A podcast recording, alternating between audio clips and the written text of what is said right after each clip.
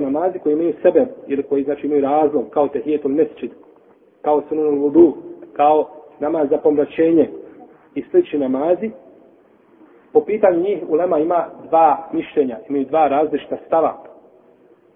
Tehijetul mesčid je namaz sa povodom ili namaz sa povodom? Jeste s povodom, jer se klanja kada čovjek uđe u džamiju. Kada uđe u džamiju. A sunanul vudu, ili s povodom ili bez povoda? S povodom. Znači kada čovjek A je li podnevski sunnet s povodom ili bez povoda? Bez povoda. Je li općenito na fila s povodom ili bez povoda? Bez povoda. Dobro. Svakoliko su za pomračenje sunca i mjeseca, je li s povodom ili bez povoda? S povoda. Jer ne možemo mi birati kada će biti pomračenje, tako? Nego pomračenje dolazi kada dođe povodi. Šta ćemo kada pomračenje dođe tačno kada je sunce u zenicu? Vidjet ćemo. Vidjet ćemo šta ćemo. Vidjet ćemo. Šala. Prvo, nije dozvoljeno klanjati ovim vremenima. Zabranjeno je klanjati ovim vremenima namaze.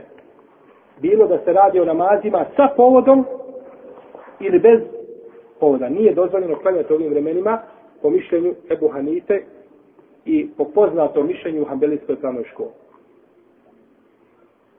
To je jedno mišljenje. Drugo mišljenje, dozvoljeno je klanjati namaze sa povodom. Bez povoda nije.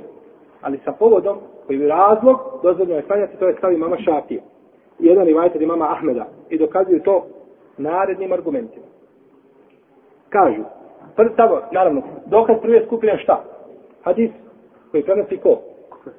Ukve ibn Amir al-đuheni, radi Allahu anhu, prenosi znači hadis kome se navodi zabrana klanjanja. Kažu, ovo se odnosi na sve namaze. Na sve namaze, osim naravno, jeli, po jednom dijelu opet u lemetu izlaze namazi, propisani namazi, koje čovjek zaboravio eventualno da klanja ili ga je odgodio i kindio, na primjer, do zalazka sunca. Prvo, kažu, do, došla je, došao je dokaz da se može klanjati namaz posle tavafa u svako vrijeme. Sjećate se hadisa o kome smo govorili. Spomenuti znači hadis da se može klanjati u bilo koje vrijeme ko obavi, nemojte mu sprečavati da klanja dva rekiata. Pa kažu bilo koje vrijeme, znači šta? I posle sabaha i posle kidije i posle, znači, posle svih namaza. Drugo,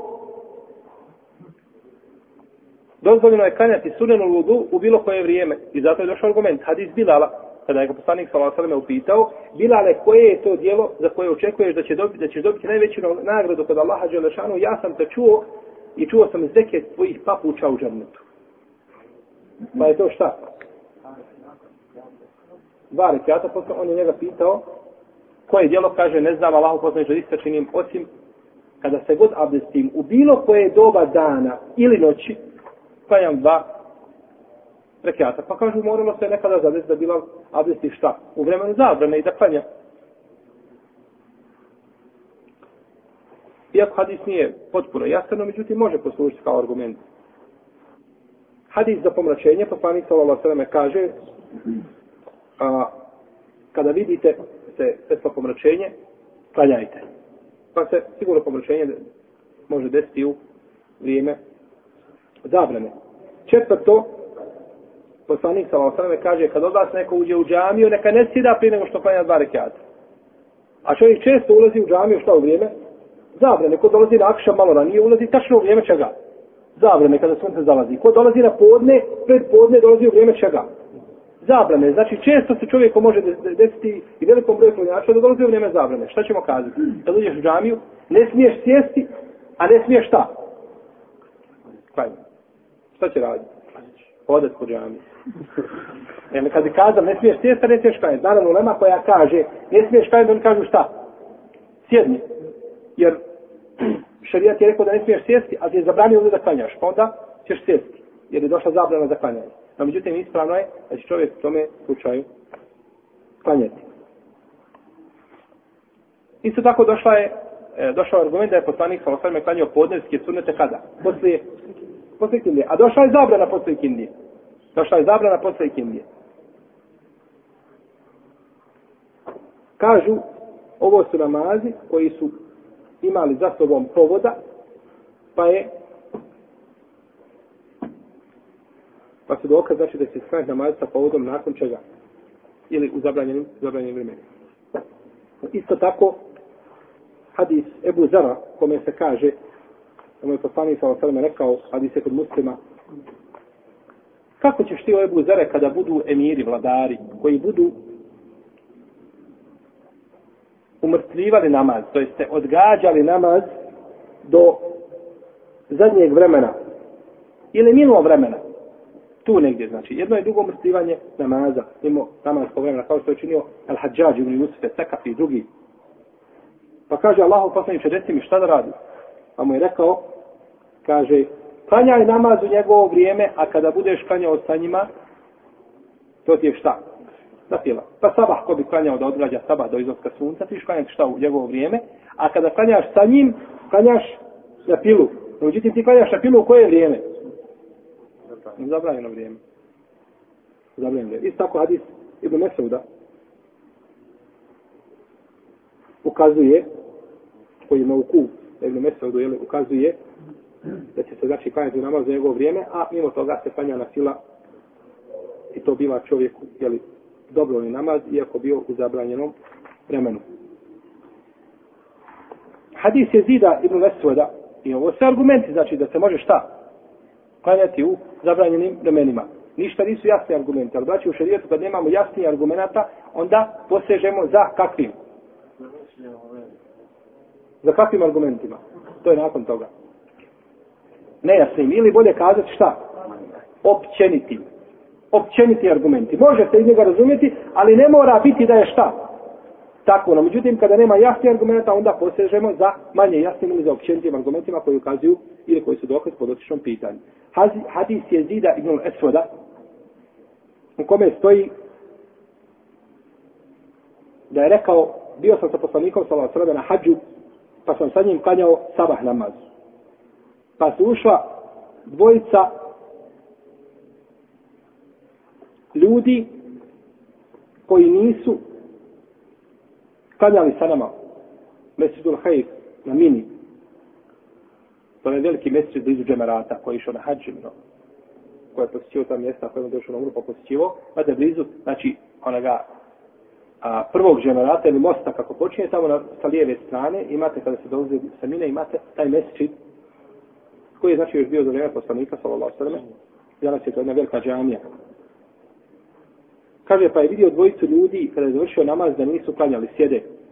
Pa im je poslanik sallallahu sallam prišao, kaže, a njihove ključne kosti se tresu od straha.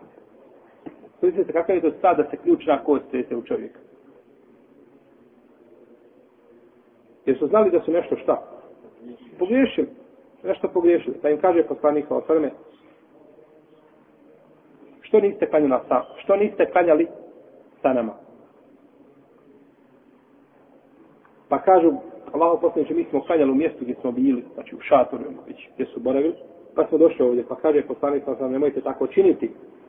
Kad neko kod vas, od vas klanja u svojoj kući, potom dođe u džamiju, neka klanja sa džematom, pa je taj njemu namaz na tila.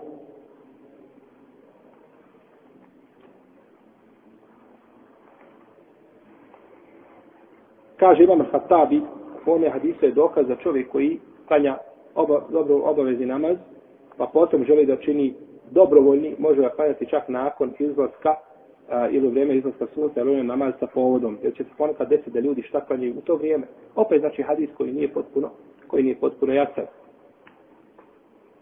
U jednoj se predaj navodi da je poslanik sa rekao, kaže, zar niste muslimani? A kaže, jeste Kaže, što niste klanjali, klanjali sa nama, zar niste šta? Muslimani. Pa znači, hadis ukazuje da postavljanje namaza nije od postupka muslimana, je to od postupka munafika. On, neki afir, afir, onako, od postupka munafika, da oni ne klanjaju, zar niste muslimani. I ulema koja koristi, koja, koja kaže da je čovjek koristi namaz, nevjerni koristi ovaj hadis između ostalih hadisa kao argument imamo hadis kod, kod Ibnu Omara, kod Buharije, koji pomene, Allah najbolje zna, pravi razliku i pojašnjava nam i rješava na ovo pitanje.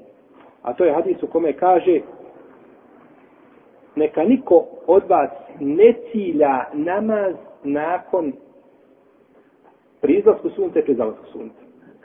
Neka ciljano ne, šta? Ne klanja, ne planira. Znači gledam i čekam da dođe to vrijeme i klanjam šta na filu. No, međutim, ako se desi na fila u to vrijeme sa povodom, onda šta? Klanjaš jer je nisi šta? Jer nisi to ciljao. Nije to čovjek, znači, nije to, nije tio. Nije to, nije tio. I što je to poznato, znači da može biti nešto čovjek radi ciljano, da je zabranjeno, a ako se desi, da je dozvoljeno.